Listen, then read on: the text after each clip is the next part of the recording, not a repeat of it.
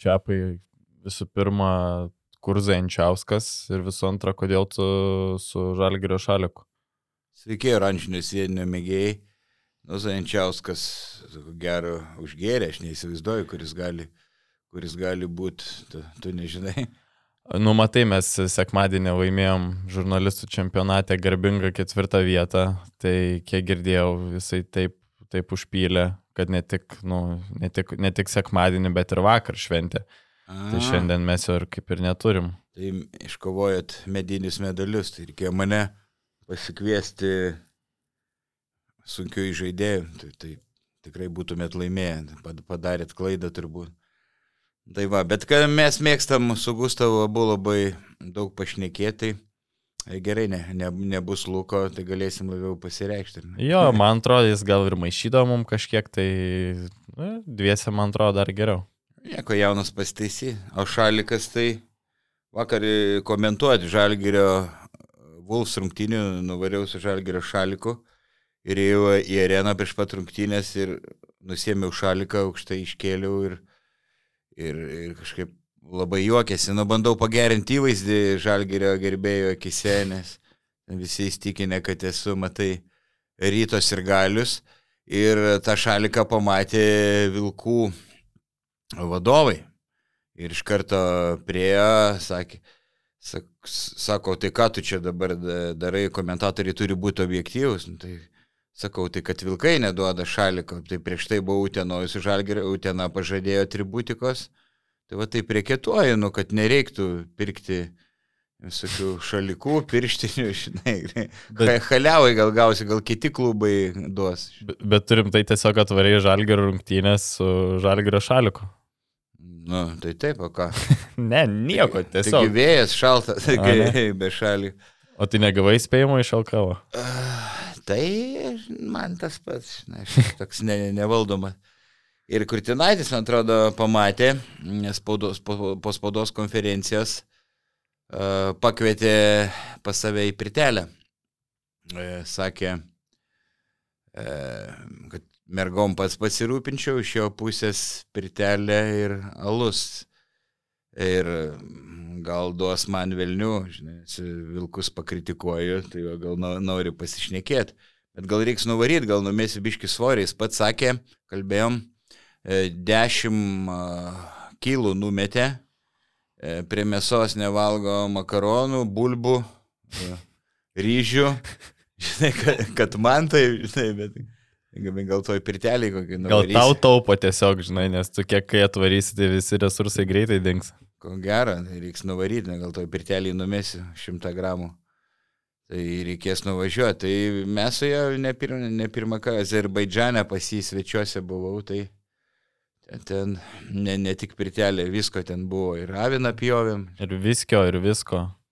Taip, ir, ir mergų. A, avino, jo, nu, mergų, bet ir simpatiškų, gražių bahūrų, visko buvo, žodžiu. Aha, aha. Nu, o jeigu rimtai, tai mūsų kolega Lukas išvykęs yra į komandiruotę, tai bandėm kviest uh, pašnekovus, kai kurie atsisakė, bet paskui pagalvom, kad dviese, manau, mes išpėsdėlinsim šitą podcastą ir čia mum iššūkis, bet, bet manau, kad klausytojai dėl to galbūt labai nenukentės, aišku, mums trūks luko ir laukiam jo pasijungiant, jis turės mums kažką parvežti iš tos komandiruotės. Tai ką šiandien yra temų, buvo daug rungtynių sužaista, turim vėl savo paruošę rubrikėlę, kaip visada, nustebinsim. Tai ką, čiapai, vakar Žalgir žaidė su Vulfsais ir ką, Vilkai pasikandžiojo. Mhm. Ką, kaip tau tos rungtynės? Nu, aš galvojau, galvojau prieš rungtynės, kad be, be Iškevičiaus jie ja, nu, praloš, ne, gal ten nesutriuškin žalgeris, nes žalgeris pavargęs kažkiek po dvigubos Eurolygos savaitės, dar, dar be Heiso, bet galvoju, nesunkiai, bet man tai paaiškėjo, iš tikrųjų labai, bar fiziškai gerai vilkai pasiruošę, iš tikrųjų buvo tos sunkios alinačios treniruotės ir pats Kurtinaitis sakė, Ir dėl to galbūt jos drožiam žaidė mediniam kojom, daug kas e, vėluodavo gynyboje, lėti buvo, bet e, dabar jau matosi to fizinio pasirengimo vaisiai. Ir, ir kaip jie spaudė žalgerį ištisai, viso aikštėje zoninį presingą. Aš manau, kad tas tiesa gal per dažnai spaudė, nes uh, zoninis presingas yra rizika. Aišku, norėjo varginti varžovus, bet galėjo kartais rinkti asmeninį presingą su mažesnė rizika. To ir Kurtinačio paklausiu per spaudos konferenciją. Jis ten bandė kažką mygti. Oi, bet varai čia. Nu, tai, nu tikrai, pri, prisivėja žalgyrį, jau lygus rezultatas ir jie vėl e, dviese vieną atakuoja ir žalgyris e, prie presingo neprado, ne vieno kamulio atrodo ir iškart gerai išsidėsto, geri perdavimai ir kiekybinė persvara greitam polime ir taškai ir, arba pražanga. Bet tai smulkmena, e, šiaip Bet taip pat čia aš dar noriu stirpti mm. apie tą zoninį presingą. Šiaip realiai ne, nesu matęs Europoje per pastarosius kelius metus trenerio, kuris visas 40, 40 minučių spaudžia. Realiai beveik visas rungtynės ir naudoja tą zoninį presingą. Nėra čia pasenus taktika? Tai ne, ne, nėra. Tai gal Kaila ir Donaldas Kairys e, labai dažnai tą, tą naudoja, bet sakau, per dažnai jau patiems šiek tiek, nors fiziškai labai gerai pasiruošę, ir, bet Kurtis pripažino, kad jau ir kvapo trūko ir kai kurie žaidėjai pradėjo nepataikyti, viškai gynyboje, gynyboje vėluoti, bandė paimti tą fiziką žalgerį, na, ten smaug, dusint nuo galinės lygiai Tai yra gerai, bet manau, šiek tiek buvo per, per dažnai. Ir apsiprato žalgirį. O iš kur tas 18 žalgirio klaidų? Jeigu, jeigu sakai, iš zoninio presingo nei vieno kamulio neperėmė. E, polime, kelia, kelios pražangos, ten netaisyklingos užtvaros e, poziciniam polime, e, netikslus perdavimai iš presingo atrodo, ne, bet matai, tas presingas yra ir žalgerį vargino, ir, ir tos klaidos irgi, ir, ir žalgerio nuovargio.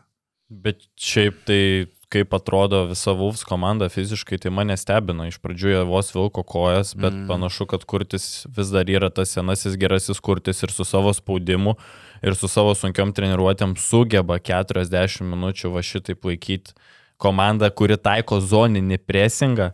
Ir devyniesi, atsiprašau, E, devyniesi. Trys nežaidė, Iškevičiaus nebuvo, Žalgiri žaidė visais 12 e, grajokų. Jo, ir su 43 metų Lukauskiu, kuris buvo žiauriai svarbus komandai, antram kelnys su savo 11 taškų laikė komandą rungtynėse, o trečio kelnio pabaigoje dviem trajakais vėl gražino Vilkus į kovą. Tai realiai, jei ne kažkuri iš tų dviejų Lukauskio atkarpų rungtynės tikrai galėjo anksčiau baigtis. Mm. Ir Lukauskiai labai geri deriniai ir kitiems labai dažnai naudojamos užtvaros be kamulio.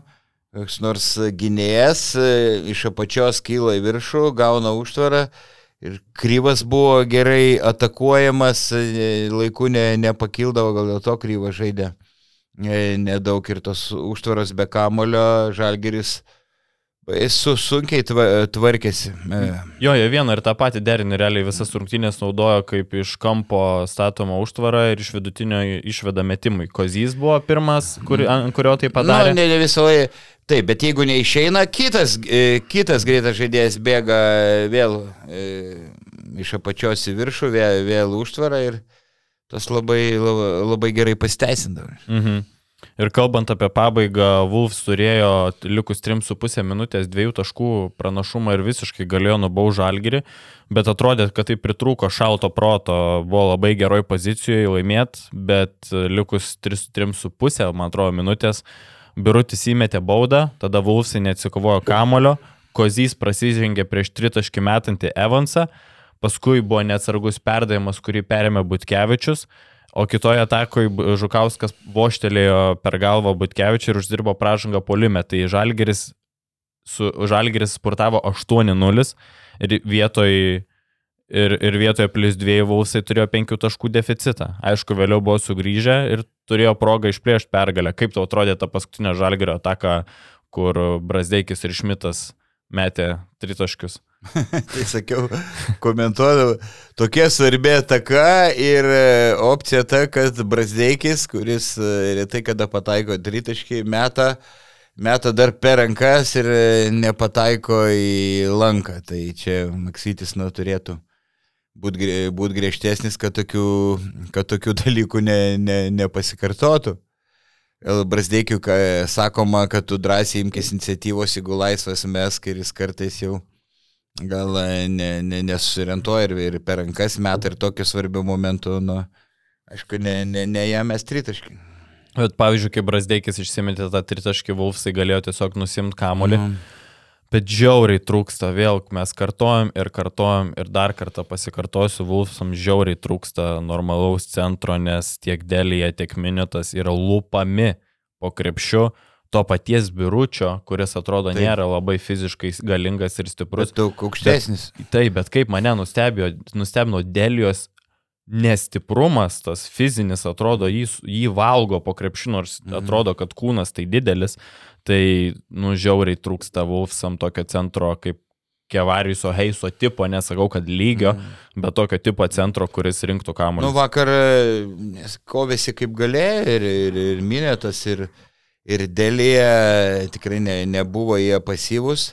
Ir sak, minėjau transliaciją, gal kas negirdėjo apie Hamiltoną, kurie buvusi Fenerbakštis centrą, mhm. kuris li, pasirašė su Turkijos vienais outsiderių kontraktą, kad e, jo pasirodo dukra ten gyvena ir e, Vilkai siūlė gerokai daugiau nei, bet jisai norėjo būti prie savo dukros ir, ir dėl to ten, ten ir liko. Tai gal tu irgi nori britišką krepšinį komentuoti, tavo irgi dukra Didžiojo Britanijoje, gal ten irgi sąlygas pasiūlys.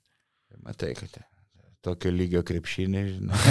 per geras komentatorius. Bet ten, jeigu rusiškai komentuosi, gali nesuprasti. jo, sklando šiaip rinkoje, dabar Martinas Gebenas liko be klubo, tai prieš sezoną Vulfs jo domėjosi. Mm. Kaip tau čia paaištas aukštaugis tiktų Vulfs rotacija? Ne per daug panašus į dėlį? Gebenas kažkaip... Um, Ar jis gali nustojo, būti pagrindiniu centru? Nustojo tobulė. Ne, jis padėtų, rotacijai tikrai padėtų. Jeigu neina dėliai žaidėjo ar, ar minėtui, bet tikrai ne, ne, ne tas centras, kurio, manau, norėtų, norėtų Vilkai, ne, nebent, ne, nu nieko nerastų, nes dabar laisvų tokių vidurio polėjų gerų rinkoje kaip, kaip ir nėra o kažką perpirkti ir mokėti išpirką ir šiaip centrai labai brangus, tai irgi reikia, reikia pagalvoti. Na, manau, ge, Gebinas padėtų, bet tai... Bet imtum, negali... imtum jį kaip pagrindinį centrą ar ne, taip tiesiai šviesiai sakant. Ne, ne, gal palaukčiau, bet jeigu nebebūtų variantų ir dar Gebenas būtų laisvas, tada taip. Dar Kurtinaitis pasakė, kad trūksta komandai lyderystės savybių. Ar tau Wolfsam trūksta tokio žmogaus, kuris galėtų ant savęs imtis? Iš vis, nu toks klausimas, ar Keiveris gali būti lyderis komandos e, tokios kaip Wolfsai? Be jokios abejonės, man Kurtinaičio keistai nuskambėjo e, ta, ta frazė, Keiveris tikras e, lyderis ir matėme, kad ir psichologiškai stiprus, ir tritaškių vakar taikė, gerai metė tai iš toli super staigus, aštrus, e, jeigu dar ir pakrenta jam, nu, tai iš tiesų yra sunkiai sustabdomas. Ir tada jau reikia dvigubinti gynybą, padėti kitam, jis du, du žmonės pritraukia, nu, nusimeta, tik, tikrai jisai drąsiai Bet, bet, gali būti lyderiu ir, ir yra lyderis. Bet matėm, kad rungtinių pabaigoje Keiveris prapuolė iš radaro realiai. Ir, ir Žalgeris jį pristabdė, ir Žukauskas ėmėsi ant savęs, kas man buvo keista. Tai kaip, kaip čia taip? Tai paaiškia? Žukauskas pajuto, pajuto ritmą, metimą, pajuto, ėmėsi iniciatyvos, o e, nors kalbėjom, tikrai labai geras vilkų fizinis pasirinkimas, bet vakar stebėjau Keiverį gynyboje Jis dėjo labai daug pastangų, kaip dažnai tinginiaudavo e, sezono pradžioje. Tai ir, ir Kurtis pats sakė, kad, nu, šiek tiek kvapo, kvapo kažkaip pritruko. Mhm. Dar kalbant apie žalgerį, bet jautėsi čiapai vis, visgi vietom tas toks koncentracijos pametimas ir tas nuovargis po dvigubą savaitės, visgi e, dvigubą savaitę turėjo ir kelionės. E, jau, nu, man tai, pažiūrėjau, asmeniškai matėsi, kad žalgeris nėra tas žalgeris, kuris yra visiškai susikoncentravęs. Aišku, čia nenuvertinant Vulfsų, bet nu, kažkiek tai nuima nuo, nuo mhm. Vulfsų pasipriešinimo.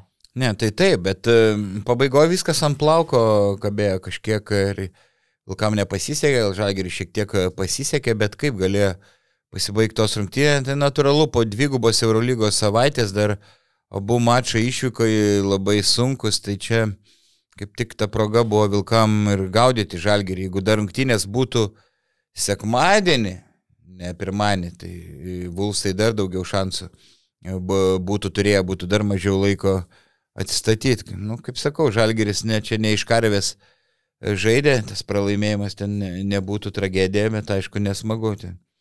Nemažai žiūrovų surinko Maksyčiui prieš Kurtinaitį, ne, ne, nesinori pralaimėti principinės, taip, taip. principinės akistatos.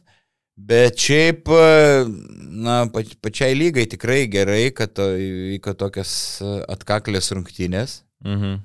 Ir vilkai, jeigu netraumos, tikrai manau dabar jau kažkiek, maniau, kad e, jam bus sunku patekti ketvirtą, bet dabar aš taip šiuo metu galvoju, kad jie rimčiausiai pretendentai į ketvirtą šalia Žalgerio ryto ir e, Seven Betlet kabelį. Bet šiaip trūksta man gilio Vulfsuose Kozys, Beručka, kiek žinau, tai nėra Kurtinaičio pirkti žaidėjai, mm. atrodo kol kas nepateisina to ambicijų, kaip nu, vis tiek Vulfsai deklaravo didžiulės ambicijas ir mes matom Kozį einantį startinį penketą, aišku, čia dėl, dėl, dėl Juškevičiaus, bet ar, ar nepritrūks gilio patiems Vulfsam netgi nusipirkus centrą? Mm, gal ir pritruks, nu, bet yra sudėtis tokia, kokia yra ir Kurtinaitis susitaikė su tuo, kad reikia, reikia žaisti tokiais žaidėjais, nebent dar centrą e, pavyktų prigriepti. Bet vakar atrodo, kad e, toks jau faktiškai beveik maksimas buvo išspaustas iš tos sudėties dar ir be, ir be iškevičius. Ir dar su viso, visos aikštės presingu. O čia paimatė plakatą? Mačiau, kas, ten buvo, kas ten buvo parašyta? E, jūsų klubas toks pat. E, Nes smirda kaip nuo Kauno mero, nuo jūsų. Aš kaip, galim sakyti, lygos atstovas ne, nekomentuosiu, nors turiu nuomonę, bet prisimenu vien įdomią detalę, kai Žalgerio krepšininkai Eurolygos rungtynės skraidydamo su Žemelio įmonės e, lėktuvu. Mhm tada buvo viskas gerai. Bet daugiau nekomentuosiu, galėčiau daugiau pakomentuoti. Jo, tai aš galėčiau pakomentuoti mm. iš savo pusės.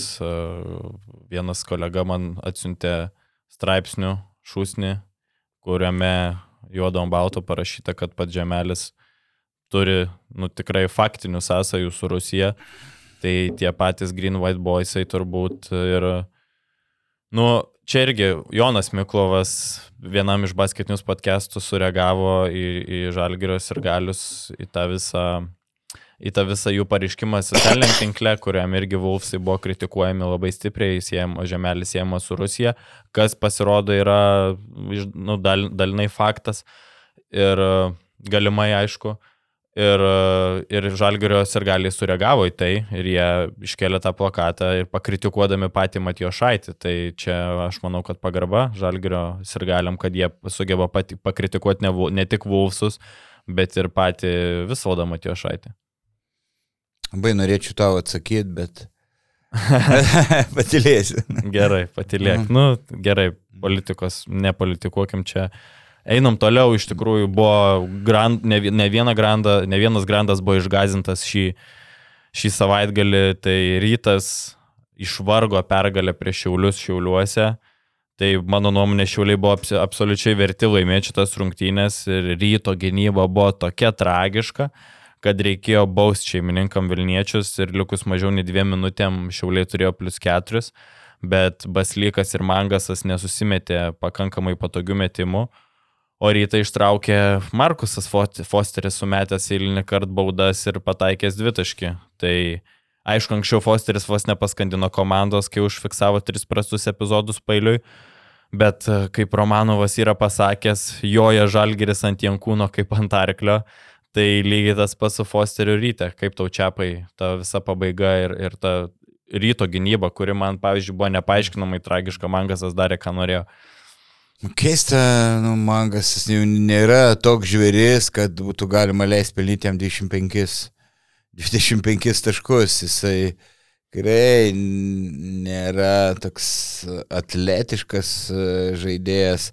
Aš mum taip galvoju, kad ta pertrauka nuogastavo žibėnas, kad ta pertrauka visai nelaiku, kai rytas buvo pasiekęs e, ko neįdelę sportinę formą. Ir panašu, kad ta pertrauka kiek išbalansavo komandą. Bet aš dar gal svarstau, jog yra kita priežastis, kad e, komanda šiek tiek taupėsi, nenorėjo kokių traumų patirti ar pervarkti, nes ant nosies, e, ko gero, lemiamus FIBA čempionų lygos rungtynės e, su Atenų peristeri. Svarstau, galbūt toks, tokia ryto gynyba Mm, galbūt susijusi su tuo pasąmoniai toks nor, noras šiek tiek pasitaupyti, bet čia nu, tik, tai, tik tai svarsim. Bet aišku ir Šiaulius reikia pagirti, komanda orientuota į polimą ir Sireika pripažįstamas polimo genijum. Kiekvieną vakarą vis naujų derinių sugalvoja. Tai, Prieš miegą. Mm, taip, laisvalaikių derinius kūrė. Tai nelengva išskautinti. Derinių Juozas Atkevičius. Taip, taip, ir Brežinikaitis kiti yra. Daugas Brazys sakė, kad sunkiausia išanalizuoti yra Šiaulių komandos e, polimą. Tai kuo daugiau atkaklių rungtynių, tuo man geriau, tuo tada įdomiau komentuoti. Pinigų daugiau. Iš Leliogos ir LKV ir iš Milašius. Pinigų. Ar nepriklauso pinigų. tavo atlyginimas nuo rungtynių svarbos? Priklauso nuo to, kiek kartų ohoho pasakau. Jeigu garsiau ir daugiau, tai tada jau daugiau uždirbu. Jo, dar grįžtant prie krepšinio, nu man vis tiek ta ryto gynyba prieš Mangasą pirmoji pusėje, tai įdomus buvo epizodas, kai rytas prieš jį naudojo drop gynybą, tai Ehodas nepakildavo po išsikeitimo prie Mangaso, ir leisdavo, likdavo žemai, tai Mangasas tiesiog susimesdavo tritaškius, šiaip ryto gynėjai plaukiodavo gynyboje ir kai taip įsivažiuoja žaidėjas, jis ten įmetė gal 16, man atrodo, taškų per pirmus du, ke, per pirmus du kelnius, tai kai taip įsivažiuoja krepšininkas, nu yra žvėriškai sunku paskui antroji pusė sustabdyti ir ką mes vėliau pamatėm. Taip, e, ir Ehodas taip kartais galbūt drumą praranda, kai mangas turi kamolį, prie tritaškio linijos jam statoma užtvara, tai jau besiginančios komandos vidurio polės turi stebėti kamolį, kai vyks, vyksta veiksmas ir tada jau pradėti kilti į viršų ne tada, kai pastatoma užtvara, o šiek tiek, šiek tiek anksčiau, kad spėtų prišokti prie važovo gynėjo. Bet kartais būna, čia reikėtų klausyti vieną, kartais gynyba būna konstruojama kitai, nors e, ypač jeigu koks lėtas vidurio polės, koks valančiūnas ne, niekada ne, beveik nekyla, kai Lietuvos rinktiniai žaidžia špikenrolą, tada e, pusiau kraštuose komandos besiginantys žaidėjai, e, tie priklauso į kurią pusę užtvarą žaidžia varžovų žaidėjas, na, būna atsitraukia nuo savo tiesioginių dengiamų ir pasiruošia eiti į pagalbą, kad centrui nereikėtų kilti. Gal toks ryto buvo sumanimas. Tai. Bet kuris akivaizdžiai nesuveikė. Dar mane labai neramina ryto tas visas vienpusiškumas, toks vaizdas, kai Fosteris yra aikšteliai su ryto, ryto polimu plus minus viskas yra gerai. Jis individualiom pastangom nusprendžia atakas ir Vilniečiai turi visada opciją. Bet kai jis pakeičiamas, tai stringa atakos, taškai pelnomi sunkiai, bent jau prieš šiaulius ir šiaip, ką matėm visoje sezono pradžioj. Realiai rytas susikūrė be Fosterio tokias laimint 50-50 situacijas ir man ir didžiulis klausimas kyla, kiek ilgai rytas važiuos ant Fosterio, nes reikia daugiau perimetrio lyderių. Taip, manau, Friedrichsonas perdegė atvykęs į šiaulius savo prieš buvusią komandą ten susireika nemažai, nu, atrodė, pe, perdegęs, kaip tos pertraukos jis jau visai solidžiai atrodė. Tai Margeris Normantas, jisai gali greitai bėgti, bet neturi gero pirmo žingsnio, to staigumo, kad e, prasiverštų pro kybų gynėją. Taip tai yra problema, bet na, rytos ir gali gal gali pasidžiaugti, kad šiek tiek suspurdėjo polime Masiulis ir Varadį, kurie iki tol buvo dažniausiai tušti.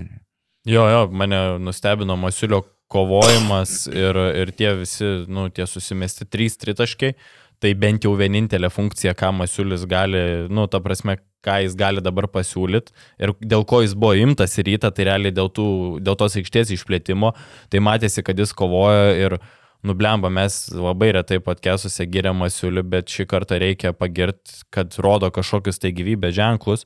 Bet čia, va, kalbant apie ryto pačią gynybą, tai mane nuvylė labai Friedrichsonas vėl, nes uh, kiek tik įmanoma buvo atakuojamas Mangaso, Sabetskio paustos tose situacijose, kai pasimdavo Sabetskis kamolį arba Mangasas arba prisimdavo ant mhm. pausto ir nudarydavo, ką nori su Friedrichsonu ir aš nežinau, kaip reikia žibėnų išslėpti šito žaidėją, nes nužiauriai sunku, kai jis yra aikšteliai. Tai priklauso nuo varžovų sudėties. Jeigu yra toks kaip Sabetskis ir Friedrichsonas veik pusę galvo žemesnis dengia Sabetskį, kuris ir ant posto, ant tūso gerai žaidžia. Tai galbūt tokiais atvejais, aišku, dvigubint, bet kartais dvigubinimas nepadeda, jeigu gerai puolantysis nusimeta ir pataiko, tai, tai tada tokia atveju keisti reikia ir ne, tai kad nebūtų Friedrichsono aikštėje, nu, tada kito varianto nėra, arba aikštė gintis, nu, tai keli variantai. Jo, bet šiaip matėm ir, kaip sakai, žinai, ten aukštesni, bet tas pats Žygimantas Janavičius sezono pradžiui su Friedrichsonu gynyboje darė, ką norėjo, tai aš manau, kad Blemba biški reikėjo galbūt pasižiūrėti į aukštesnį rinkoj gynėją. Aišku, turėjo jis ir savo momentų, bet kol kas Friedrichsonas turi, nu, man, man pavyzdžiui, vilčių šiek tiek nepateisina. Ir Polime, ok, nu, nesužaidė, bet kai gynybai tu turi tokį mažą žaidėją, tai yra labai didžiulių problemų. Tu, pavyzdžiui, spaudėsi, ne, o spaud, dvigubinį, dvigubinį žmogų ir jeigu tas žaidėjas, pavyzdžiui, Sabetskis, jis gerai nusimetinėja kamulį. Ir kai mes matėm, kaip jis nusimetinėdavo tą kamulį, buvo labai kuriama persvara ir yra tada labai sunku komandai išgaudyti to žaidėjus, yra labai mm. gerai ištampama gynyba. Nu taip, bet jeigu polan, e, polančiosios komandos e, krepšininkas, kurį dengia Friedrichsonas, kad ir aukštesnis, bet nemoka centruoti ir nėra labai geras metikas. Friedrichsonui sunku gali būti ne tik ant uselio gintis prieš aukštesnį, bet jeigu aukštesnis e, geras metikas ir e, išmesdamas kamuolį laiko aukštai, tada nu, ne, negali pasiekti, tokia metimo technika. Mhm. Eigirdas Žukauskas, nu ne, nu, čia kitos pozicijos žaidėjas, bet E, bet prieš, prieš pertrauką, prieš šitą pertrauką, langų pertrauką, tikrai Friedrichsonas buvo atsigavęs polime, prisiminkim sezono pradžią, buvo labai nedrasiai žaidė. Paskui matyti Džibėnas pakeitė jo mąstyseną ir liepė liepimtis iniciatyvos, vienas prieš vieną žaidžia neblogai ir nu, tritaškius metą kaip nu, stiprus vidutiniokas. Tai. Nu, tikėkime, trečiadienį prisitaupė, nes laukia rimtas mačas su Peristerį ir turbūt pats mhm. rytas nesiuošia tikrai šiulių rungtynėm, visa, vis, vis, visas treniruotės turbūt gyvena mhm. Peristerį rungtynėm, tai bet šiaip dar norėčiau pažiūrėti kritikos Gyčiui Radzevičiui kuris bando vis dar užpildyti Arno Butkevičius batus ir labai norėjo to didesnio vaidmens, bet kol kas matosi, kad jis jų neužpildo ir neužpildo pakankamai stipriai. Tikrai norisi didesnės lyderystės ir kol kas LKL 8.11 naudingumo balų. Tai man tai tikrai norėtųsi daugiau lyderystės iš gyčio polime, tiek gynyboje ir kartais atrodo, kad lemiamais momentais, pavyzdžiui, kaip Butkevičius netgi nėra poliminis žaidėjas, bet jis tą ir žalgrį rodo, sumetas svarbius metimus. Ir nu išgyčio to nematom. Mm, tikrai truputį keista, aš maniau, kad Butkevičius išeis, tai Radzevičiaus statistika dar smarkiai pagerės palyginti su to praėjusiu sezonu, tai va, dar vienas e, ryto, mm, ryto rezervas. Ko trūksta vaidai jam? Jam gal, gal šiek tiek įžulumo, gynybo jisai geras. Uh, polime, nu į kairę, prastokai, veržė, prastokai veržėsi de, dešinė pusė užtveriama ir, na, ir pats kamulio gal išmetimas trygo ir tiginės lietokai išmeta, kol užsitaiso tą, tą kamulį. Tai metimo technika nelengva pagerinti. Nu, šiaip geras žaidėjas, dabar sunku pasakyti, kodėl jisai e, stringa buksuoja sezono pradžioje. Aš manau, kad įsibėgės. Dar šiaip mes turim vis tiek apdainuoti čiapai, man atrodo, patį Kailo Mangas uh, šiuo metu demonstruoja bičias fantastišką formą, 21 taškas ir 20 naudingumo balų vidurkis per paskutinės keturias rungtynės ir 70 procentų tritaškių pataikymas. Realiai Sireika išsitraukė dar vieną aukso grinuolį. Taip, čia nežinau, kaip pasirinko kartu su Donatu Slanina, čia manau ir Slaninas ir Sireikos uh, nuop, ieškojo pakaitalo Elmorui, nors Magas daugiau, žinai, antrų numerių žaidžia, bet, bet ieškojo, ieškojo pakaitalo. Panašu, kad jį atrado, gynyboje nėra stiprus, jis nėra, nėra atletiškas, toks, dėl to šioks toks fenomenas. Bet tas sprogs, jis tokia sprogstamą turi vis tiek. Taip, atletiškai gal tu meni, kad to stipraus kūno neturi gynyboje bėdų. Taip, bet ta, sprokstamą greitį turi, pataikantis, labai pasitikė savo, savo jėgom. Tikrai šiau, šiauliai, manau, kad pataikė galbūt į dešimtuką pasirinkę mangą. Aš galvoju iš vis netgi dabar į kokį rytą įmetus jis, jis neprapultų ir pristaikius porą į kelią mėnesių. Čia sunku spėlioti. Tik tai aukštesnį lygį ir su Friedrichsonu irgi nušiauliuose darė, ką norėjo, ryte jau sunkiau. Nu jo, nu, tu, tu, tu teisus, Vaidai, šuovė tau. Ačiū. Taip. Tai einam toliau, Lietkabelis Neptūnas, irgi Lietkabelis išvargo pergalę prieš Neptūną, bet nors ir pralaimėjo Neptūnas, mane vis labiau stebina savo žaidimu ir visas rungtynės priešinosi Europos taurės komandai ir du kelnis netgi buvo tikrai, tikrai geresnė komanda. Hmm pirmoji pusėje uždavė toną, puikiai ištampydavo gynybą, daug kokybiškų rollų su Vailiai ir Guščiu, kurie pagaliau atrodo abu du geros formos, o ne vienas, žinai, kažkuris iš jų tai puikus kamulio judėjimas, labai geras pacingas, man patiko labai daug savo laikų perdavimo iš Žengimanto Janavičius pusės, kuris ir yra tikrasis realiai Neptūno generolas, o ne Malikas Vaitas, kuris jau pradėjo kilti nuo suolo pagaliau ir prarado tas startinio penketo pozicijas, tai Janavičius vadovavimas greičiai mane stebina, atrodo kaip jaunuolis. Iš tiesų, ir mm, kaip radikaliai pagerėjo žaidimas, reikėjo Neptūnui vienos kitos pergalės ir tas pasitikėjimas atsirado. Dar sužinojau, kad po tos tragiškos sezono pradžios ir klubo vadovai labai griežtai kalbėjo su žaidėjais, nes, na, Brazys kitoks žmogus sunkiai įsivaizduojam jį ten rėkiantį, šaukiantį, besikeikiantį. Reikėjo klubo vadovo pagalbos ir, ir, ir Brazys irgi to sulaukė. Ir aišku, gerai dėlioja žaidimą, netgi be Maliko Vaito ir Malmanio indėlio polime. E, Neptūnas e, visai atrodo solidžiai, o pasirodo, sužinojau dėl Malmanio, truputį nustebau. E, klubo atstovai sakė, kad, nu, Sako, labai, už labai pigiai paėmėm, sakė Malmanė. Kiek kokias keturias? E, nu, gali būti, jeigu taip, nu, penki maksimum, gal tikrai keturi, nu, neužlėkštės ribos, dar ten kotletą duoda, bet tikrai ne, ne, ne. Realiai ne. mažiau uždirba negu tu komentavime. Tai jeigu reiks pinigų, galėsiu šią pervesti. Va, tai sako, ką, ką jūs ten tą stebitės dėl to Malmanio. Sako, jis gynyboje padeda, polime jau sunku iš jo tikėtis, nes per daug praleista buvo Ispanijoje, per daug ant suolo e, sėdėta.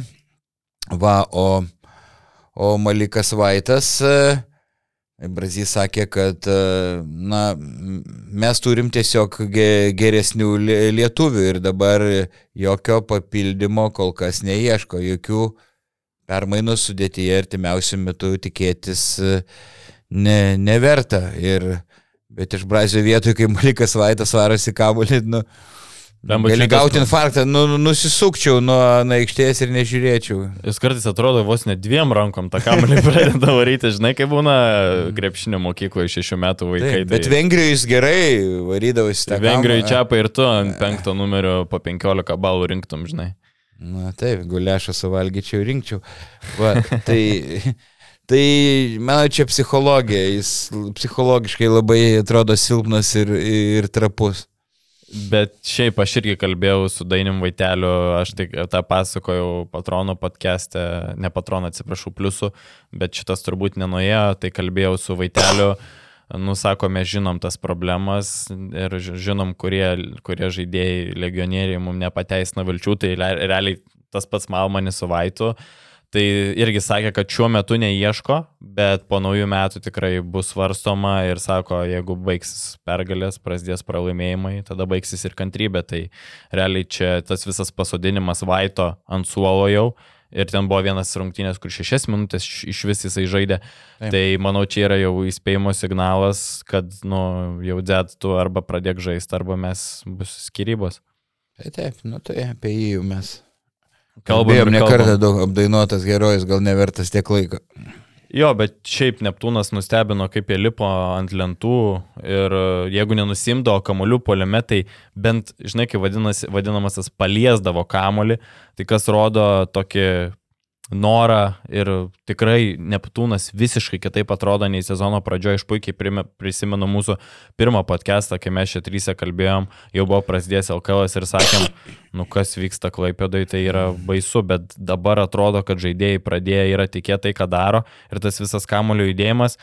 Ir man labai patinka, kad Neptūnas turi tokį krepšininką kaip Mindaugas Girdžiūnas, kuris yra izolacijos žaidėjas. Vie- Vienintelis turbūt visam Neptūnė, kuris gali tiesiog pasimti kamuolį ir spręs rungtynių eigą, ką darydavo ryte. Tai čia Brazijų labai gerai, kad gali spręsti atakas ir šiaip, nu, Neptūnas tikrai pozityviai, Taip, taip. pozityviai Ir, nutikė. ir Jogėlą proveržė sezoną e, žaidžia, tikėsimės iš jo stabilumo, nes fiziniai duomenys iš tiesų yra įspūdingi. Tik matai, jeigu Vaitas ir Malmanis nepadės polime, nu, Vaitku bando, bet e, aišku, dar labai trumpai ir automatiškai suolas toks gana trumpas pasidaro, tai kiek, užteks tų jėgų, bet ir smagu, kaip Vailė atsigavo. Sezono pradžioje atrodė, kad e, gal jam reiktų jo pereiti į kitą sporto šaką, lengvą atletiką. Bet pasirodo, turi nemažai ką bendro su krepšiniu. Taip, taip, ir tie visi pick and rollai labai gerai leidžiasi šiaip po pick and rollų. Ir Gustys, man labai patiko, kad Gustys pagaliau nebežaidžia regbio, nesimuša. Nu, aišku, mušasi protingai, bet matėm ten prieš Juventusą kažkada nesivaldė. Tai Gustys dabar jau ilgiau išbėgioja, nes anksčiau būdavo ten 10-12 minučių, dabar jau gali duoti daugiau ir duoti pastovaus laiko. Tai kai kai žinai, kai tu matai, va, pavyzdžiui, Janavičius, nu vis tiek krepšinį yra svarbiausias pirma ir penkta pozicijos. Kad ir kaip tu bežiūrėtum, tai metai iš metų, čia jau šimtas, kiek ta krepšinį, 120 metų, bet vis tiek pagrindinės pozicijos yra centras ir žaidėjas. Tai realiai, kai Janavičius šitaip diriguoja polimui ir kai turi du centrus, kurie keičia tai puikiai vienas kitą ir puikiai leidžiasi po pick and roll, ką labai daug daro Neptūnas žaidžia tiesiog pick and rollais, tai yra, nu, labai pozityvu. Bet šiaip po pertraukos Lietkabilis parodė visgi, kad yra Europos turės komanda, su visiškai kita energija grįžo į trečią kėlinį, pradėjo bėgti į tranziciją ir labai gerai išnaudojo Morisą, kuriam visas rungtynės dėl nepaaiškinamų priežasčių buvo leista į kairę pusę, nuo šito tai nesupratau. Taip, taip, tai čia širkšti Neptūno gynyba ir... O dėl, dėl guščio grįžtant, tai gal pagaliau ir Uošis pradėjo duoti patarimų ir tai na, į naudą išėjai.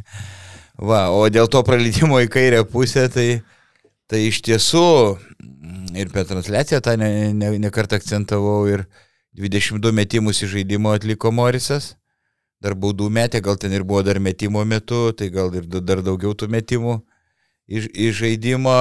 Ir, jis tikrai staigus, kartais tu žinai, kad jisai į kairę, akimirką prandi budrumą, žiūri jau viskas jau jau jis baudos aikšteliai beveik iš, iš pakrepšio metą.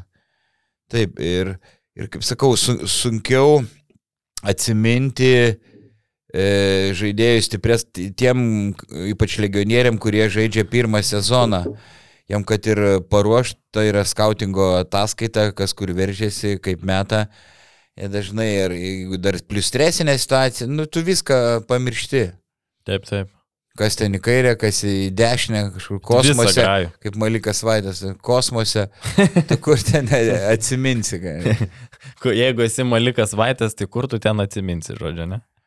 Nu, tikėsimės, kad Vaitas neklauso šito podkasto, nes Aš manau, kad išsiverž, žinok, aš manau, kad čia išsivers ir pizduliai duos. Duos tau pizduliai, nes to aš vis tiek klaipėdai nesilankau, matai, aš iki tiek nedatraukiu, tiek, tiek daug nekeliauju po pasaulį, iki klaipėdos ne, nedatempiu, bet tu ten dažnai lankaisi to atsargiai, ten, žinai, žiūrėk, kad ne, ne, neprišoktų, bahurėliai. Tai va, tai. Ir žinai, ką, mhm. ir žinai, ką dar, nu negalvojau, kad tikrai pagirsiu per šį sezoną, bet Stefanas Peno puikiai užbaigė mačą. Jo vadovavimas man paliko gerą įspūdį kadangi yra aukštas, labai gerai mato paso linijas prie žemesnių žaidėjus ir tie savalaikiai perdavimai, pravankuojamos pražangos mismečiuose ir tie penki taškai. Ir žinai, Bairi, mm. kad ar tu matei, jisai žaidė su subintuotu metančios rankos nykščiu ir įmetė pabaigoje trajeką keurą, kas yra, mm. nu, mm. turbūt Dievo dovana ir baudas sumetė puikiai. Tai įsivaizduoji su nykščiu subintuotu metančios rankos. E, taip, vienas geresnių jo rungtynių, bet e, iš jo norėtųsi stabilumo. Jis pažiūrėk, kiek per visą sezoną ant vienos rankos pirštų tikrai drąsiai užtektų, skaičiuotume jo, jo geresnės rungtynės. O gal po, po šio mačo bus daugiau pasitikėjimo ir, e, nu, netikiu, kad jis tritaškius pradėtų gerai mesti, bet Bet pataikė jau antrą tokį keurą šį sezoną, dar buvo kitose, kitose rungtynėse. Jo, bet šiaip jo vadovavimo truputėlį trūksta. Kalbant apie visą ilgą distanciją, aš prisimenu rungtynės, čia aišku, čia ne LKL Europos turė Venecijoje, kai žaidė. Nu tai gal kokius tris kart vaikiškai prarado kamalį labai svarbiais momentais, tai Čianakas matyt neturi kitų opcijų, tik kad tikėti, nes Kristianas Kuliamei yra kitokio tipo žaidėjas jis labai daug klaidų daro kol kas. Man... Kulame irgi, kai paspaudžia, žiūrėk jo statistiką, labai dažnai klysta apie transliaciją. Šležu kalbėjom. Kulame, nu, sakau, toks kokia kūno sandara, kartais jo pe, nu, pe, per aukštas driblingas buvo, per, per aukštas ir jeigu jį užspaudžia du žaidėjai, jis kažkaip išsigasta, ir, ir labai greit atsikrato kamuoliu vietoj to, žinai, kad kuris turi stipresnį, biški, nu, pasistumė. Mhm. Nu, nu, parodyk, dar, dar parodyk. Nu, taip, ne, nesalkūnė, nu, va taip, supil. Va, ir, į mikrofoną čia. Išsimetė tą kamuolį ir jisai, bet mm, jo ta viena neigiama, neigiama savybė ir tos rungtynės su Neptūnu jam nebuvo labai gera. Nu ką, manau, važiuojam toliau. Uh, Juventusas laimėjo prieš Prienų labas ges, kas buvo labai tikėtina, aišku, bet penk... sezono pradžioje mano peikta Juve yra ant bangos. Tai yra trečia pergalė iš eilės LKL e ir šešta per septynerias rungtynės. Tai po truputį įrodinėja vyrai savo vertę ir suradau priežastį, kodėl taip pagerėjo Juve žaidimas. Nu. Nu, Tai kai Juventusas įsigijo Hamiltoną su Evansu, tikrai galvojau, kad jie kaitaliosis atakomis, kas dabar žais vienas prieš vieną ir sezono pradžioj panašiai buvo. Labai daug pavienio žaidimo ir statika. Su tokiu žaidimu man e, nelaimėsi, čia jie nėra tokio talento žaidėjai, bet panašu, kad Donaldui Kairiui pavyko įskiepyti Hamiltonui su Evansu, kad čia yra komanda ir kuo toliau, tuo labiau šie du gynėjai, kaip aikštelės generolai, mane stebina pozicinėse atakose kamuolys juda labai tvarkingai, mažiau to gatvės vienas mm. ant vieno krepšinio, visi paliečia kamuolį, savalaikiai perdavimai ir buvo tikrai labai gražu žiūrėti, žinai, kaip tas kamuoliukas vaikšto. Mm. Iš tiesų ger, geras pastebėjimas, karys irgi treneris orientuotas į, į polimą, e, orientuotas į tai, kad į polime stengiasi kuo daugiau žaidėjų kovoti dėl kamulio to šiek tiek rizikuoja prasileis greitą kontrataką. Karys visada akcentuoja, kad trys ar net keturi žaidėjai turi polimę kovoti dėl, dėl kamulio. Mhm. Ir gerai naudoja tą ir presingą po visą, po visą aikštę, kur Kurtinaitis labai, labai mėgsta. Ir e, tik dar, aišku, yra ir neišnaudotų rezervų. Komanda paskutiniai vietai pagal tritaškių pataikymą buvo iki šių rungtinių gal ir, ir, ir, ir dabar liko. E, Gecevičiai labai nekrenta, tiek ir jam atsiriš dar krepšys, tik tai Turbūt nelumų juvės ir galim kaip dar ilgai žais Hamiltonas, ar liks komandai po naujų metų ar ne. Tai. Nu, čia yra, čia yra klausimas. Ir Evansas. Nu. Jok, bet kalbant apie tuos metikus, tai, nu, aš tai žinok, visiškai tikėjausi va tokio pataikymo Juventuso per, uh, iš Gecevičius nesitikėjau, bet iš Juventuso kaip komandos tikėjausi tokio pataikymo, nu, su visa pagarba, bet vienintelis Gecas yra metikas, visi kiti yra tokie dienos, dienos žaidėjai, kaip pakris, nei, ten, mhm. nei, nei Paliukienas, nei Matulis, nei tas, pats Evanso, nei tas pats Evansas, nei Hamiltonas, jie nėra metikai. Ir aš visiškai tikėjausi ir aš tą prognozavau, sakiau, kad trūksta metikų Juventusai. Bet šiaip, dar kalbant apie geras vietas Juventusų, tai kai tas kamuolys juda, jaučiasi visas komandos balansas. Evansas su Hamiltonu diriguoja Ausinas yra didžiulė jėga po krepšiu, Getsas įneša patirties, kaip ir sakiau, yra išreikštas metikas ir tik laiko klausimas, kada pradės pataikyti, o gynyboje Juvė turi savo karių, žinai, tokių, kur Matulis, Skučas, Jaunas ir mhm. Alkanas Romančenko, mm. bei Martinas Paliukienas, kurį norėčiau dar atskirai apdainuoti, gražu žiūrėti, kaip dega jo akis. Ir jeigu būčiau Židrūnas Urbonas ar Eimantas Kersis, dabar dėčiau sutartį ant stalo, kol jisai nepabrango, nes jo vertė tikrai, manau, kils ir nutobulas rolinis žaidėjas. Tobulas. Sakyčiau, pagal gynybą vienas prieš vieną, jis vienas geriausių apskritai lygui. Tokio stiprumo yra kojas, kad ne, neįtikėtina ir pats iš savęs e, labai tvirtas. Anksčiau buvo tik gynybinio plano žaidėjas, kai anksčiau buvo juviai, dabar ir taškų pelno, atrodo vidurkis kažkur apie 10 ir iniciatyvos, ir polime įmasi.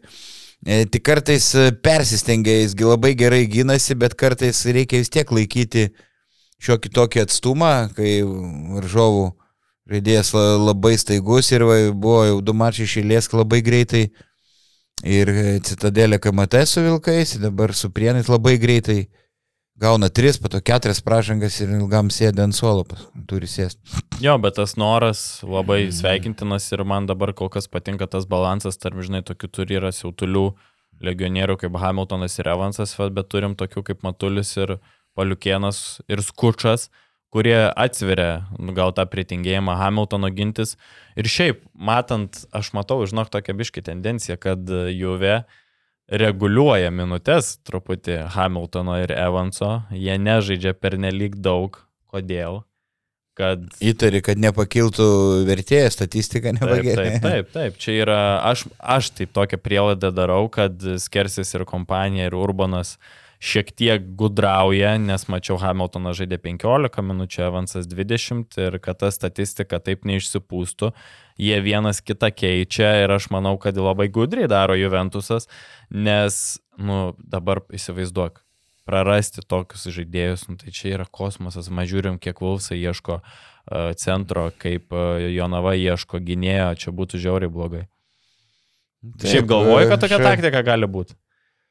Ga, gali būti, bet ne, tiksliai nežinodamas negaliu tvirtinti ir... Tai mes pizdėlinam, čia pačio podcast'o. Ir, a, čia podcast'as? Jo, jo. A, nu tai tada... Laida, čia mes... A, ne... Tai tada gali būti, gali būti. Jie, aišku, Utenos klubo atstovai šitą, šitą nesakys. Va, bet e, tu sakai, gal ir žinai. Jo, jo, labai daug. Labai daug žinau. Daug labai tiesiog pizdėlinu. Bet šiaip, nu, man nepatinka Bensonas visgi kaip atsarginis centras, nor, norėjusi kažko šiek tiek geresnio, nes gynyba praranda visą mobilumą, kai Bensonas yra aikštelėje ir visą norą. Atrodo, kad tiesiog noras sumažėja 50 procentų komandos, kai Bensonas aikštelėje. Nu, toks pasyvus žaidėjas, kaip nežinau, aš net nežinau, su kuom palyginti. Na, šiaip jo ir temperamentas yra flegmatikas. Sakė, už aikštės ribų ir nekalba visai. Nu, minėjau, kad e, pats e, ramiausias, flegmatiškiausias lygo žaidėjas, apskritai be emocijų. Atrodo, kad jie, niekas neįdomu, kas ten, ar jie pirmąją, ar pralaimi. Sakau, toks liūdnojo veido ryteris. E. Čia, žinai, Atrodo, kaip truputį apsirūkęs, atsiprašau. nu jau čia kaltinimai, jau čia kaltinimai. ne, atrodo, kai... Ne, nu Galimai, žiūrėk, galimai. jis tokio būdo, tokio būdo žmogus, bet sakė, mm, ir, ir kai baigėsi rungtynės, ir prieš nekalba nieko. Nekalba tiesiog, okei. Okay. Tylos įžadus priemės turbūt. Nori vertę įrodyti darbais, o ne žodžiai. Na, sunkiai, sunkiai kol kas. Bet šiaip kalbant apie patį potencialą, dar uždarant apie Juventusą, tikrai jie turi potencialą kovo dėl tų top 5, top 5 reguliariam sezone. E, Aišku, su sąlyga, kad liks abu du legionieriai, komandos balansas yra ir jeigu toliau taip važiuos, tai aš juos matau kaip kokią penktą, penktą lygos komandą, nes nu, labai peikiau prieš tai kairį, tikrai negalvoju, kad Hamiltonas ir Evansas gali taip dalintis kamoliu, bet jeigu taip viskas ir toliau, nu, manau, top 5 tas tikrai yra siekimai. Nu, jeigu išliks Hamiltonas Tai Evansas, jeigu išliks. Kaip ir sakiau, čia paklausykis, ką kalbu, sakau, su sąlyga. Taigi, ausų dažnai neplaun taupau vandenį, žinai, kaip pabrango. O dar trumpai kalbant apie Prienų klubą, tai tikrai norėčiau pagirti vyrus, kovėsi jie tris kelnius ir jaučiasi pagyvėjimas pasikeitus treneriui, žaidėjai krenta ant kamulio ir apskritai atsirado kažkokia tai mintis. Prienai susikūrė daug situacijų, kur išsimetė metimus iš patogių padėčių ir buvo konkurencinga komanda. Tai tikrai kol kas švies- šviesiau atrodo labas ges, belieka Kiltinavičiui įves savo kažkokią tai sistemą ir tikrai tikiu, kad jie gali kovoti dėl išlikimo ir su šituo treneriu ir su šituo nusteikimu. Nu, Taip, na, aišku, maksimum ką gali padaryti, aplenk, aplenk garždus, aukšti- aukščiau gal nelabai pakils, jeigu liks tokios sudėties tikrai labai. Mm, tie ir legionieriai pusė, pusė velnio, gaila, kas do, nu, Domarkas, ne, ne, anksčiaugi LKL kaip varydavo ir pataikydavo ir daug taškų pelnydavo. Nu, nevarydavo čia. Nu, varydavo neblogai, pasižiūrėk. Va, jo, jo indėlio kažkiek trūksta. Ir aišku, kaip žaidžia su Gadiliausku Bergaudu kartu, Tai su niekom, ne, su ko- niekom nežaidžia tada realiai. lietokos kojas prieš pikenrolą, jeigu varžovai gerai pik- e, du prieš du žaidžia, nu labai sunku. Nu, Labai Gadi- lengvai ištampama tada gynyba. ką Gadiliauskas veikia LKL, tai aš vis dar nesuprantu ir labai sunku. Bet Džioko Šaličius puikiai, puikiai, puikiai juda ir yra ir Jogminas. Nesusimeta, dar matosi iš pategų padėčių savo metimų. Bet kaip, kaip atgaivino Kiltinavičius, nu, jis dirbęs yra su juo, man atrodo, Marijampolė, NKL, tai matosi, kad jie vienas kitą pažįsta normaliai. Ir kaip atgaivino Jogminą, įsivaizduoju, tu nežaidži Taip. pirmus du mėnesius Mhm. realiai ir tu tave metai aikštelę starto Jis penkis. pasi, pasilgęs krepšinio, jis labai atletiška, labai šoklus, labai stengiasi, fiziškai tvirtas, to talento polime nė- nėra per daugiausia, bet jis tikrai sustiprino komandą. Ai, ir baigsiu mintį apie centrus. Ir tas pats šaličius, lietų kojų centras, tai kaip komplektuojama buvo komanda, na, kad aukštaugiai visi panašaus, panašaus tipo. Visi gali išmesti tritaškį, bet, e, bet nėra mobilaus, judraus vidurio polė. Žinai, dabar žiūriu Jono Miklovo knygą, aš stebukos jūs nepastebėjote ir pasižiūrėjau į Romanovą, tai atrodo, gal, blemba, gal Romanovas komplektavo šitą komandą, nes, nu, tikrai, tikrai labai, labai prastai surinkta centrų linija. Nu, taip, ką. Ką, turbūt, kur, turbūt tiek apie, apie labas ges. Ai, ne, dar noriu grįžti, kaip to rokiruoti Sargiūno ir Vilio. Sargiūnas paliko komandą, iš- išvyko į kitą ir Vilys jį pakeitė. Manau, kad e, lygiai vertė pamaina, gal net Vilys, e, kaip e, LKL turintis daugiau patirties, gal duos e, daugiau naudos. Bet tik taip, prieš palikdamas LKL jis labai blankiai tą sezoną kėdainiuose atrodė. Nors prieš tai... Žiauriai gerai užjudėjo. Nu, ir paskui taip dingo. E, va, bet, bet kas, va, jis e, Utenoj daug, daug nepataikė, bet man patiko jo drąsa. Gal čia ir Kiltinavičiaus e, nuopelnas, kad jis ir toliau metė, toliau ėmėsi iniciatyvos, žaidė labai drąsiai. Ir aš manau, kad gal šiek tiek tikrai duos daugiau naudos nei Sargiūna. Mhm. Nu ką, judam toliau, dar paliečiam vienas rungtynės, tai Sibet ir garždai. Sibetas visiškai ramiai susitvarkė su, su garždų komanda. Bičkauskis, Šeškus ir Geretas surinko 52 iš 92 komandos taškų.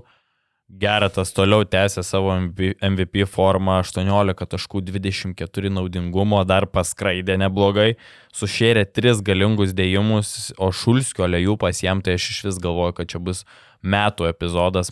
O tu matei tą epizodą? Nu, highlightą jau. Kaip, kaip aukštai iškilo Geretas, atrodo, nu ten jau su lentos vos ne, su, su galva su lanku, mm. žinai, buvo vieno, vienam linijai, vienoje linijoje, tai kaip, kaip ką išdarinėja Geretas yra fantastika. Ir kaip tik kalbėjau, turėjau interviu su Jeffu praėjusią savaitę, tai yra irgi dar viena raudona vėliava, kaip ir Juventuso legionieriam, taip ir čia. Uh, tai geretas nuo gruodžio iki sausio mėnesio turiu kontrakte išvykimo, iš, nu, išpirkos galimybę. Ir su tokiu žaidimu darosi tikrai baisu Jonavos vadovams, kad Jeffas gali išvykti. Ir nes jis ir man pats, žinai, pasakė, sako, jog mhm. svarstytų tokią galimybę, jeigu pasiūlytų kažkokią tai kontraktą. Tai ramybės Sibet stovykloje tikrai nėra, nes geria to nepastebėti yra neįmanoma. Ir Šeškus pats pasakė spaudos konferencijoje, kad tos baimės yra šiek tiek. Taip, tarkim, paimtų ir kokie vilkai pagriebtų.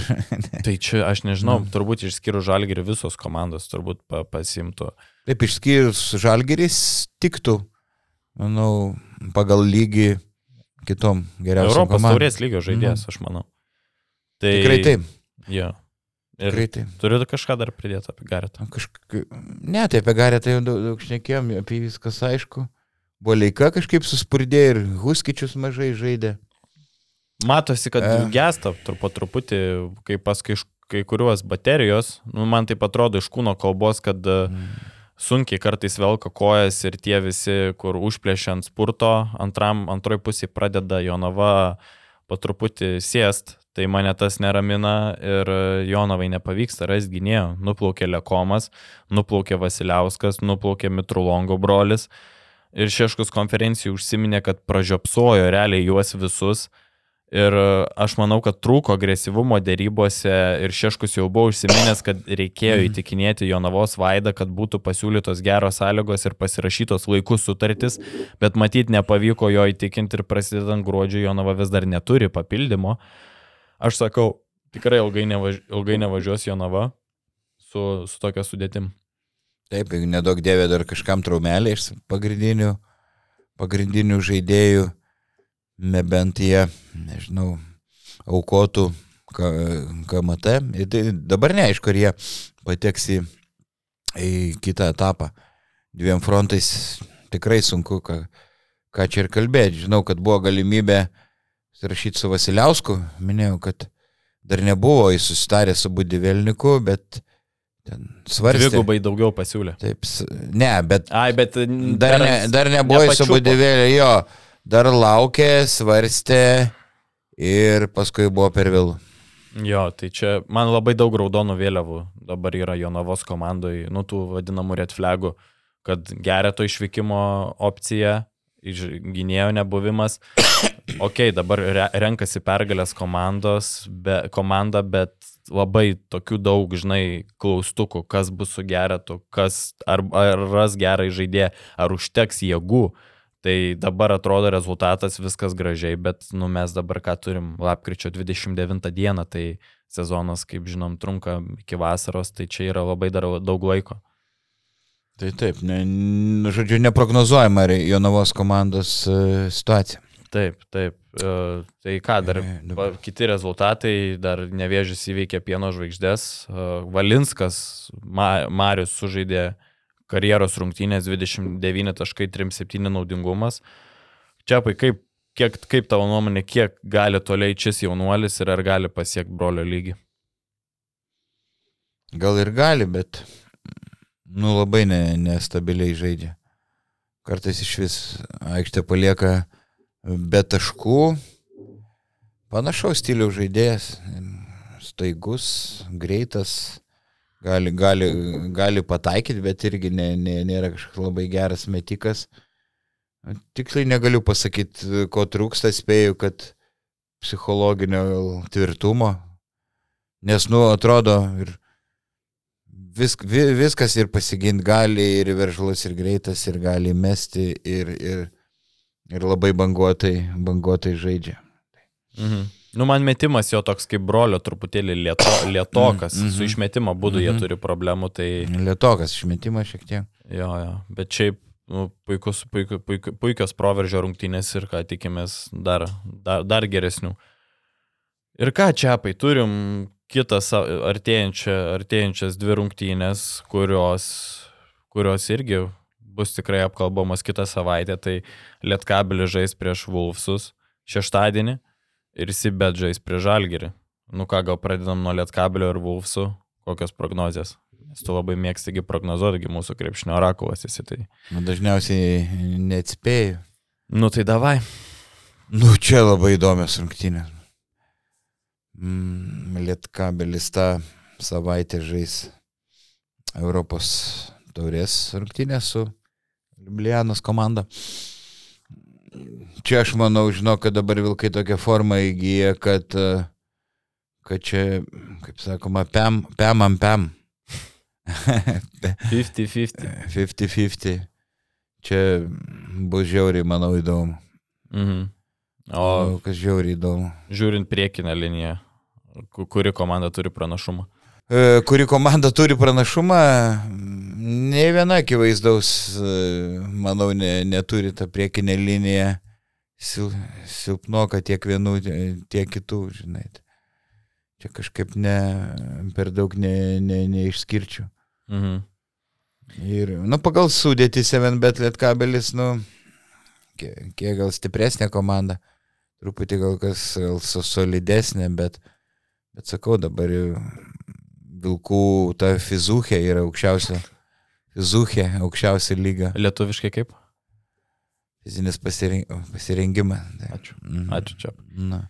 Nu ir dar turim ką įsibėtą su Žalgiriu pirmadienį. Jonavoj žais, tai čia labai šansus didina. Kaip manai, ištrauks? Ištrauks iš kepurės Jonava pergalę. Ar labai sunku su tokia rotacija? Nu, abejoju, atsimenu, praėjusią sezoną ištraukė, nu, bet koks buvo Ž- žalgeris varganas ir nusilpęs. Praė- Praėjusią sezoną čia bus principo reikalas, vos ne lyderių. E, Dvikova. Nu taip, kol kas, kol kas lyderių. Nu, manau, kad e, Jonava tikrai pasipriešins du, gal tris kėlinius, bet e, sveikatos gali pabaigoje neužtekti. Vis dėlto paimkim biudžetą, e, žaidėjų pavardės, nu, jeigu Jonava laimėtų, tai čia, nu, nežinau, kosmosas čia jau. Čia aišku, suteikti Jonavos garbės piliečio vardą reikėtų ir paminklą pastatyti. Va, tai. Ką, nu ką čia kalbėjo, ir arklė, aišku, Žalgiris stipresnė komanda, favo, favoritai. Bet aš tikiuosi intrigos, nes man įdomiau visada, kai intriga. Nu ir ką, aš manau, viską apkalbėjom. Turiu kažką pridėti dar, kažko gal ne, dar neapkalbėjom apie LKL kalbant. Pridėti, ne, nebent į kelnes daugiau. Nu ir ką, turim ką, čia apie paskutinę mūsų rubriką, kaip visada esam pasiruošę įdomių dalykų. Tai šį kartą pasiknaisiom po Lietuvos krepšinio talentų kapinės ir žaidėjų, paminėsim žaidėjus ryškius, kurie turėjo žiaurų talentą, bet taip ir netapo tokiais, kokiais turėjo tapti. Tai ką turi vaidai? E, Taip, jeigu kalbėtume tik apie LKL, aš manau, kad didžiausia žlugę talentai yra Andris e, Jurkūnas, e, Alvydas Pasdrasdis. E, Galim paminėti ir Amžinatelis Tauras, Tumbrį, kai kuriuos kitus e, žaidėjus. Tai trys pagrindinės priežastys, dėl ko e, e, žaidėjai išvaistė savo talentą, žaidėjai, kurie buvo laikomi labai perspektyviais, labai talentingais. Tai yra trys priežastys. Pirma - traumos, antra - tinginystė ir trečia - šnapsas ir mergos. Tai neminėsiu, dėl kokių priežasčių vienas ar kitas, ne. Ne, tai gali paminėti. E. Galiu, jo. Gali. Tai, tai Jurkūnas e, buvo laikomas antroji Tonių Kukočių. Taip. E, Jaunių, jaunimo rinktinėse buvo lyderis ir buvo renkamas naudingiausių Europos čempionatų žaidėjų, E, bet jam plyšė buvo kelio raiščiai ir nepasižymėjo dideliu darbštumu, jeigu trumpai. Pastracis iš vis buvo vadinamas antrojų marčiulionių, teko man su juo supažinti ir kai jis buvo 8-9 klasėje, Panevižio sporto mokyklo internate, mano mokykla buvo šalia, per tas pats stadionas, teko žaisti vienas prieš vieną, prieš jį ir laimėti, bet sakau, po, po vasaros jau atsisakai, pamačiau, kad atėjo toks raumenų kalnas, užsikačiavino per vasarą, kaip kažkada Marčiulionis per, per trumpą laiką, tai pasradęs skirtingos rajone sakė, taip raumenų prisiaugino dirbdamas ūkio darbus, kraudama šieną. Bet paskui pateko į labai prastą Maknyzų universitetą, kaip Garasas Jokavo gaisrininkų universitetą, kur buvo ruošiami ugnegesiai gelbėtojai. Krepšiniai buvo mažas dėmesys. Ir tai viena priežastis ir kita priežastis traumos. Buvo labai, labai e, jam neprikišė dėl jokio darbštumo ir, ir dar Barcelonoje pateko į tą sudėtį, bet ten vaidino antrailį vaidmenį Barcelonos olimpinėse žaidynėse, paskui pastrinė dar Sakalose ir, ir Neptūne ir, ir taip užgeso, tai mm, labiausiai gaila. Aš e, aišku, buvo daug... Kaip? O dėl šnapso kas? Ne, ne, tai sakau, trys, kaip minėjau, priežastys įvairiems žaidėjams skirtingo. Tai pasražiui dėl darbštumo, taip, taip. dėl šnapso nepriki, jo tra, traumos ir kad universitetas e, labai blogą pa, pasirinko. Jurkūnas pritruko darbštumo ir traumos, e, ir ke, kelių traumos. Tai galėčiau vardinti e, e, kelys dėlys čia gal atsimena E, tą e, Audrius Jonušas e, Šilutės teko prieš jį žaisti, dar prieš LKL. Tai buvo talentingesnis gerokai už Mindaugą Timinską, jo domėjasi labai stiprus klubai, o Timinskui ne, ne, nesidomėjo. Tai buvo neįlinis talentas, jo vaišė labai panašus, labai ilgos rankos, labai gudrus žaidėjas, geras metikas, teko žaisti, prognozuojamas jam buvo žvaigždės statusas. Bet vis, visų priežasčių neminėsiu, tai kad paskui jau kraudavo ne į krepšio, kraudavo baldus Šilutės baldų kombinate, dabar Airijoje gyvena, palaikom ryšį, mūsų sūnus yra pažįstami, kartu buvo Eskamo e, stovykloje, geras vyras. Bet turbūt va. gyvenimo būdas šiek tiek irgi patrukdė. E, taip, e, taip, be jokios abejonės, gal gyvenimo būdas patrukdė ir Kestučiui Marčiulioniui, aš dabar nežinau, na, čia e, kas norės plačiau pasiskaityti, galite paguglinti Lietuvos krepšinio talentų kapinės, rašiau straipsnį, ne vien tos krepšinio talentų kapinės, ten be, daugybė žlugusių talentų yra, o pas didžiausias Lietuvos krepšinio žlugęs talentas čia nukrypimas, aišku, yra Richardas Trašauskas, tą pripažįsta ir Vladas Garastas, ir kiti mano kalbiniai, jeigu... Menininkas. Taip, ir jam nekarta truko kelio raišiai, o nais laikais tai prilikdavo mirčiai, plus plyšo kelio meniskas, dabar amžinatelis gyveno, žiesdavo puodus iš mo, molio, rengdavo keramikos parodas. Jau kai aš jį mačiau, buvo po visų traumų, žaisdavo ten be dantų, nesirūpindavo savo išvaizdą, bet buvo labai geras žmogus, meniškas ir jo neįlinis triukas, įsiver... mačiau savo akim, įsiverždavo į baudos aikštelę ir varžovų centroj prakiždavo kamuolį pro kliną, tarp kojų, pagaudavo ir pelnydavo taškus iš po krepšio. Wow. Tai buvo wow. Ir, ta, ir to, nu, net, nu, ir metimas geras, ir koordinacija, ir jeigu netraumos, pasak, ten nu, gara, būtų geriausias, būtų visų laikų žaidėjas, galbūt net pranokęs e, Jasikevičius. Bet turbūt alkoholis sutrukdė Strašauskui. Taip. Taip. Taip, kažkiek taip, bet ir tos traumos. Labai dažnas buvo kelio ir plyšė kelio raišiai ne kartą ir tada, sakau, taigi nebuvo tokios medicinos anais laikais, tai prilygo pusiau mirčiai, kai, kaip krepšininkui. Tai va, čia, sakau, galiu paminėti ir kelys, dėlys pačiau Audris Gaigalas, amžinatis man savo m, kartu žaidėm talentingiausias savo kartos 72 lietuvių.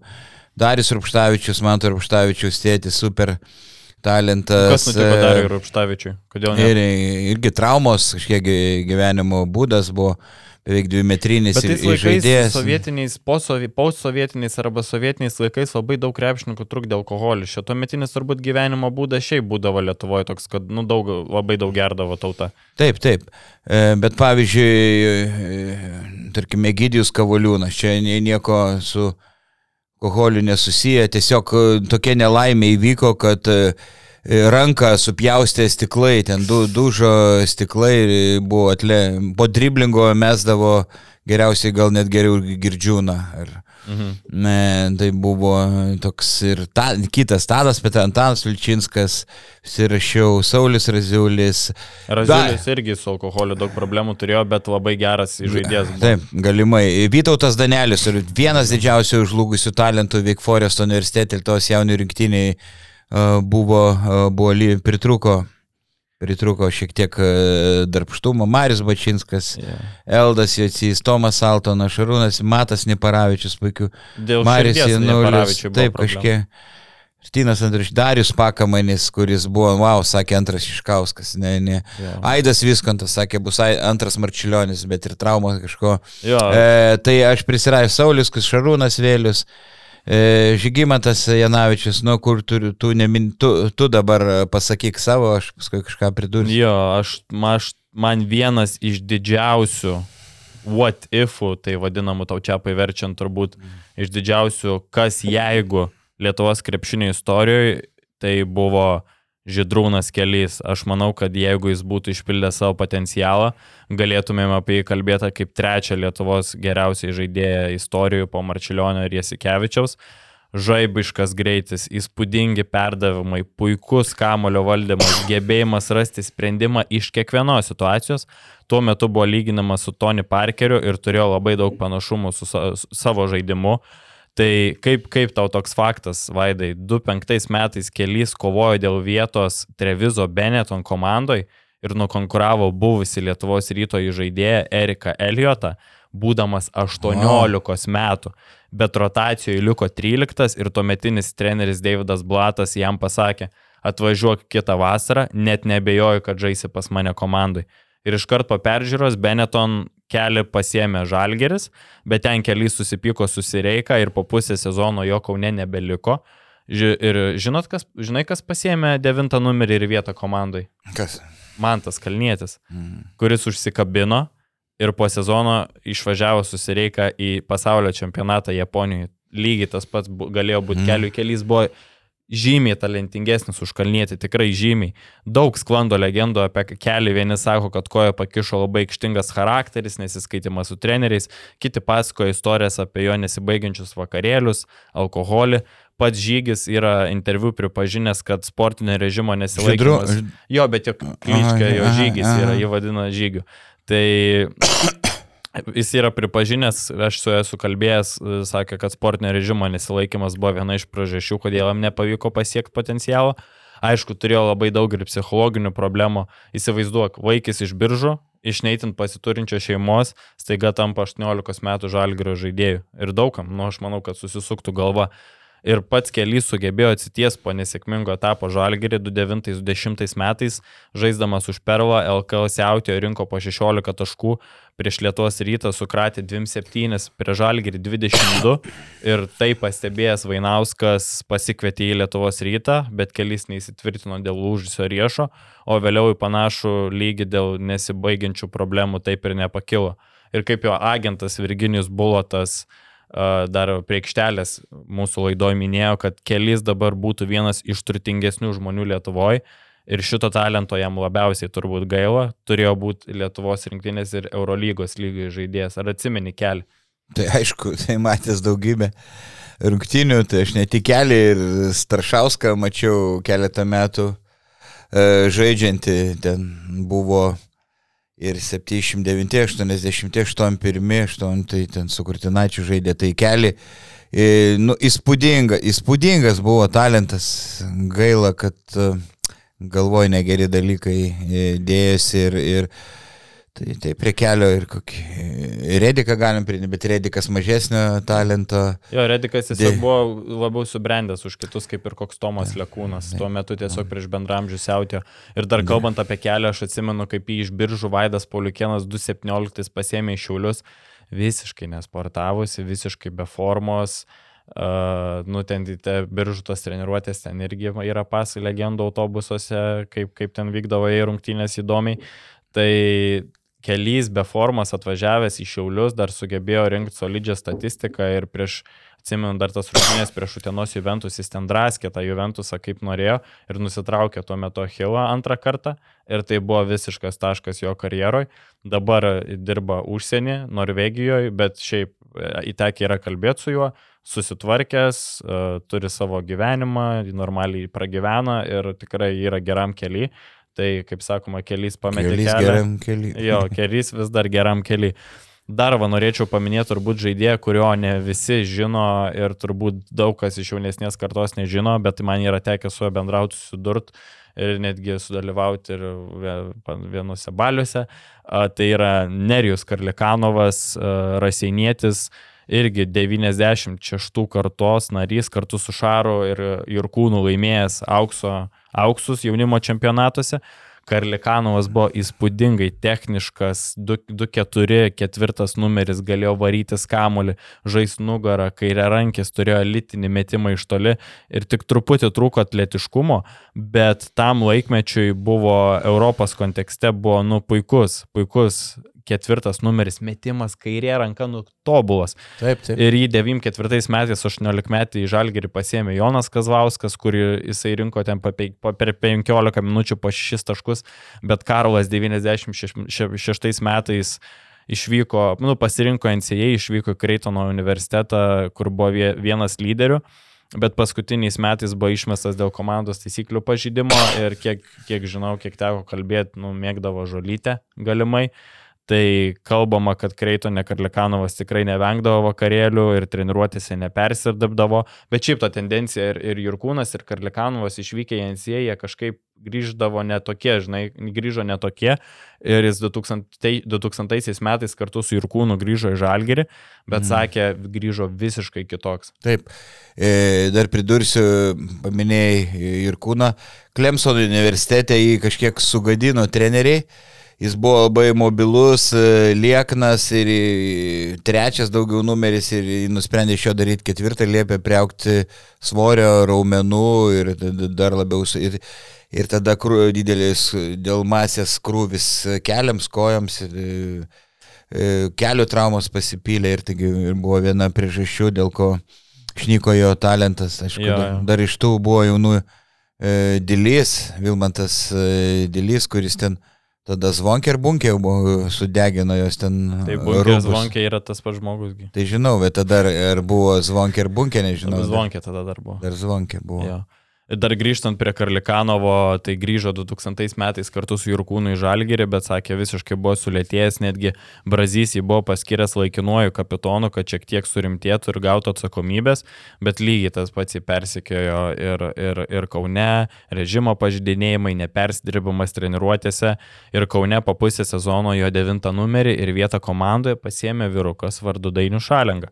Vėliau Karlikanovas tris sezonus žaidė Vokietijos antrojo lygoje, Lenkijoje, mm. netgi 2008 metais su Didžiosios mm. Britanijos komanda Guilfordo Heat buvo dar atvykęs iš Šiaulių žaisti Europos taurės, bet neįsitvirtino ir likusią karjeros dalį jis praleido nu, mano mhm. gimtuosiuose raseiniuose ir atsimenu, kaip jį stebėdavau jam buvo 3-7 jau tuo metu, bet jis taip gerai judėjo, kad tuo metinis Kedainių nevėžio klubo prezidentas Vygandas Valikevičius linkėjimai ir mano tėvas, kuris tuo metu rėmė komandą, nusprendė pabandyti jį pasiūlyti amžinatelis Rimui Girskiui, kad jį pakviestų į peržiūrą, bet Girskis griežtai atsisakė, vėliau paaiškėjo, kad ne tik dėl amžiaus, bet ir dėl reputacijos. Tai Karlikanovas mm. panašiai kaip Jurkūnas, nu buvo įspūdingų duomenų, technikos ketvirti numeriai, mm. bet, nu, aš nežinau, tas Jensei tuo metu kažką reiškia. Turbūt jie išvykę iš tos Lietuvos pajuto tą Amerikos gerą gyvenimą ir turbūt dėl to jam mhm. nepavyko. Ir da, taip, taip. dar... Nu, ką dar turi, nes Dar turiu vieną. Nu, sakyk. Tai Davidas Pūkis, tai metikų metikas, snaiperis, snaiperis, kuriam tuo metu buvo lipdama Macijausko etiketė, irgi 92 auksinės kartos narys, su Valančiūnu, Rediku, Čižausku, buvo lyderiai absoliutus tarp bendramžio 18 metų, būdamas ten rinko po 16 taškų, kem 7 procentai tritaškai.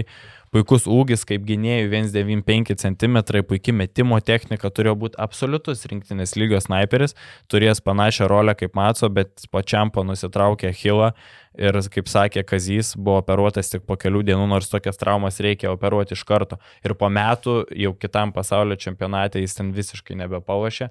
Irgi esu girdėjęs, kad dėl sportinio režimo pažeidimų, kad besigydamas traumą nevengdavo ir patūsint. Tai šiaip vėliau labai liūdnai užsibaigė jo karjerą. Baigė, realiai mano metų jis baigė karjerą 23 ir dabar pūkiui 30 turėtų būti pikę, bet nu, visiškas tuo metu buvo, sako, sakydavo, kad bus Macijauskas. Taip, taip, prisimenu gerus, gerus čia ištraukį, manau, kad žmonėms įdomu, ne, vis, ne, ne visi atsimena, sakau, čia mano sąrašas labai ilgas, dar galima Neminėjau liktai Sauliaus Kuzminsko, čia ir kita priežastis jam tokio, kaip broli, brolis pasiekė aukščiau, bet irgi tokio įžulumo, agresijos, pykčio, sportinio pykčio, labai geras labai geras žmogus, o krepšinio aikštėje, tai, tai jis nelabai ne, ne, gera savybė irgi pranašaujam buvo šviesi ateitis, bet e, Sauliu aukštai labai pakilti e, nepavyko.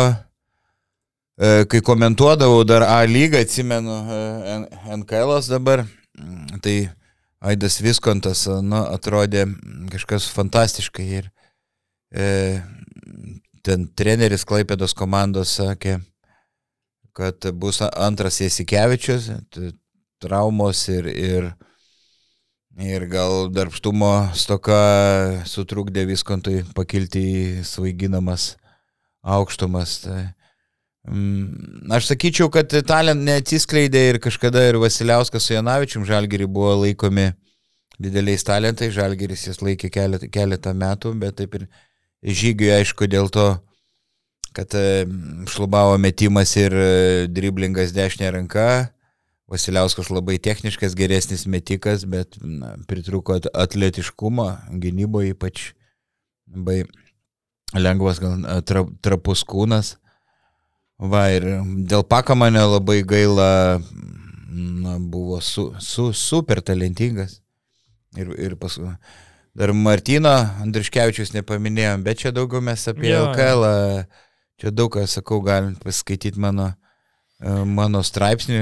Tomas Altonas buvo toksai, nu, super perspektyvus e, Marijampoliai e, žaidė.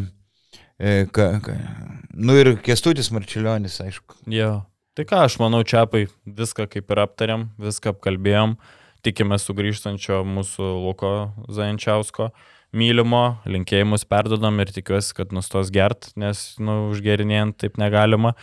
Pralidinėti podcastų ir ką, reikia padėkoti mūsų pliusam. Tai Mindaugas Vepštas, Sportnews LT, Marius Milaševičius, abu mačiūnai, Simonas Plungė, Game Room LT, Rasi MBA 2K13, 23, Marius labai solita, Justinas Bakas, fixas.lt telefonų remontas, Lukas Kondratas, rėdis.lt, Play Pro žaidimų įranga, Vytautas Ratkus, odontologas 24.lt, čia tau čiapai, net nepriklausomo auto eksperto agentūra Verlita, Delona, Kavana, Kava arba ta prieskoniai dovanos, sportguru.lt, Nike, Adidas, Dr. Martins Batai, Vaidas Matulionis, geriausių pokalbių planai.lt, UAB kokybiški vandenys vandens filtrai, BC Wolves Airija, čia turbūt dubleriai, Telegramo kanalas Daily Betting Picks, AB Aksa, Rolkis ir Pizza Mamba Bija. Tai čia irgi tau čiapai.